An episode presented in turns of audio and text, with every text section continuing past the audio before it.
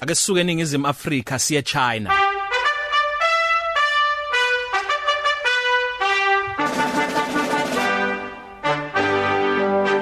Namhlanje iGlobal Citizen yethu sixoxa nayo umkhaya wami wasempangeni uLunga Bloss. Sawubona Lunga, unjani sisi? Sawubona siya ngiyaphila njani kodwa? Siyaphila. Lalela ngidlala iNational Anthem yase China, usuke wayifunda kodwa. to be honest bengakayifundi. Alright, ungwakuphi empangeni welunga? Eh ngiye ngase town I live um near Empangeni High etown nje phakathi empangeni. Oh, shuthi sinkwa nobisi ulithenga lapha eKildare. We yebo yebo yebo. Awusitsheleke siswami ngiyeza ukuthi unamasonto nje amane ulapha eChina. Ukuphi neChina? Kungani useChina? Uh well I got a job. Khona indawo thise Foshan eChina. Uh ngithola umsebenzi khona. I am a teacher. Ngisebenza e training center where we teach uh ingane English how to speak English how to read English and yeah Njengoba bafundisa isingisi, ulimi lwabo lulula ukusibamba noma kuzwakala kuyinto enzima njenganathi nje mawungathi asifunde sona isichina. We to be honest kuyambula kuyambesa kunzima ave kunzima. Nje baya struggleisha kwangempela because into eningi abayikhulumayo it's very different from ama vowels ethu yabo? Lento siyaziyo yeah. It's very to ukusheshe bebambe. Manje kuyiqiniso ukuthi eh, abantu base China indlela abafana ngayo kunzima ukubahlukanisa. Awukakalenzi iphutha lokubiza ingane ngenye kanti akusiyona. Yazi nami ngifika lana bengicabanga kanjalo. That's what i thought ukuthi nje bonke bayafana le ukuzokwazi ukubahlukanisa. Kodwa uma usufike la ubona ukuthi they, they are very very different. Uyakwazi nje ukahlukanisa they are totally different. Into efanayo nje cha amehlo.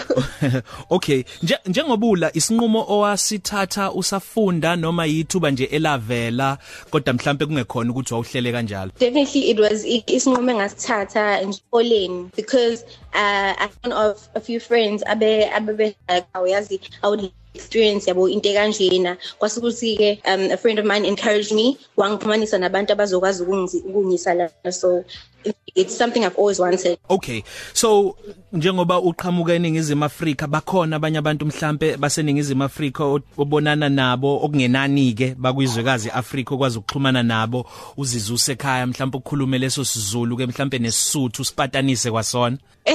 Yes sibakhona ukuthi bekho baningi kodwa nje bakhona. Bakhona. Yeah khona sikhumana nabo ku chat eh xhumana ku chat ngezinye ikhathi siyakwazi ukuthi ngane endaweni ethize nje yabo yeah bakhona khona.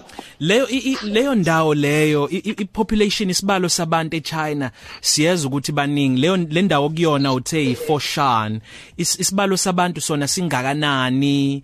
Ngabe Foshani uthe kubizwa kanjani? Foshan Oh Foshan isibalo saba Okay. Isibalo sabantu singakanani? Ngabe mhlambe nakhona lapho kuze kudala ukuthi kungavalwa izimboni kusetshenzwe emini nasebusuku khona kuzokwenzeka ukuthi kungabi wo wonke umuntu okhona emini? Iziphi izinto ezikhona mhlambe kulelo lizwe ezikhuluma nepopulation yakhona? Uh khona angikho sure isibalo ukuthi singakanani kodwa it's not very very populated. Aku I think because akusi indawo mhlambe efamous ngaleyo ndlela. So it's not too populated. Oh okay. Yeah. isizini enikuyona ke manje ngabe enjani? Eh ugqoka impahla enjani njengamanje? Njengamanje it's summer and lana they have very very long summers. So nje kuthiwa selo kwashisa ngoApril. So i kusashisa nje namanje. Umoya it's very humid kuyashisa. Ngisho ebusuku ngisho kuna. Umoya uyashisa okay asikhulume ngokudliwayo ke sisiwami sike sizwe kuthiwa kuyadliwa izinto ezifana no octopus njalo. Njalo zikhona izinto ongazijwayela osuke wazidla noma mhlambe uthi hayi mina ngizophephela ko McD's nje kwesikhashana Eh zikhona kodwa zincane zincane impela because ay ngeke ukudla kwalana ngisakujwayela and i it's very very different from the thing ngijwayele kudla kuni abakudlayo lapha nje badla okay badla like normal fazio like rice um they have a lot of noodles pasta nje banakho.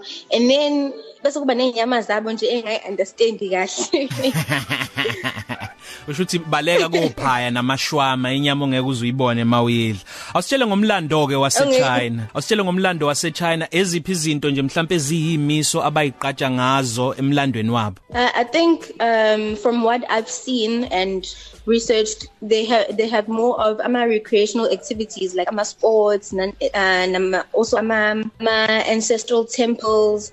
So nje badume kakhulu ngama sports and ukudla and ama monuments akhona.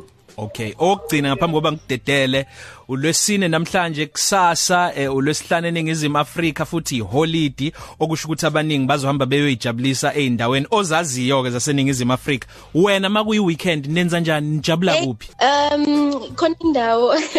Okay ngalapho hlala khona khona indawo ekuthiwa isezumi yawo sithi it's like kukhona kugcile ama restaurants eh kugcina ama restaurants and there's ama temples and also it's where you can interact with other foreigners. There's like you can meet other foreigners lapho so nje indawo isezumi yawo Okay siswami sibonge kakhulu ukuxoxa nawe lunga Bloss salisukhonza ke ekhaya lapha ngasempangeni high. Ngiyabonga kakhulu siya ngithanda ukukhonzela uh, uma wami uh, my brother my family nje yonke ama family yami my friends uh, nje ngithi halala empangeni we made it.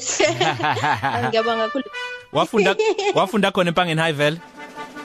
Yes yes yes ngafunda khona. Empangeni empangeni Fidet fortitude qhubeka Yebo With the motto people's destiny looks bright and clear. Siyabonga kakhulu lungu. Siyabonga kakhulu lungu siswami sibonga kakhulu ukuxoxa nawe uphephe lapha eChina. Yebo ngiyabonga kakhulu. All right. Bye bye Positive Cafe. Ilunch yakho ayifani neyizolo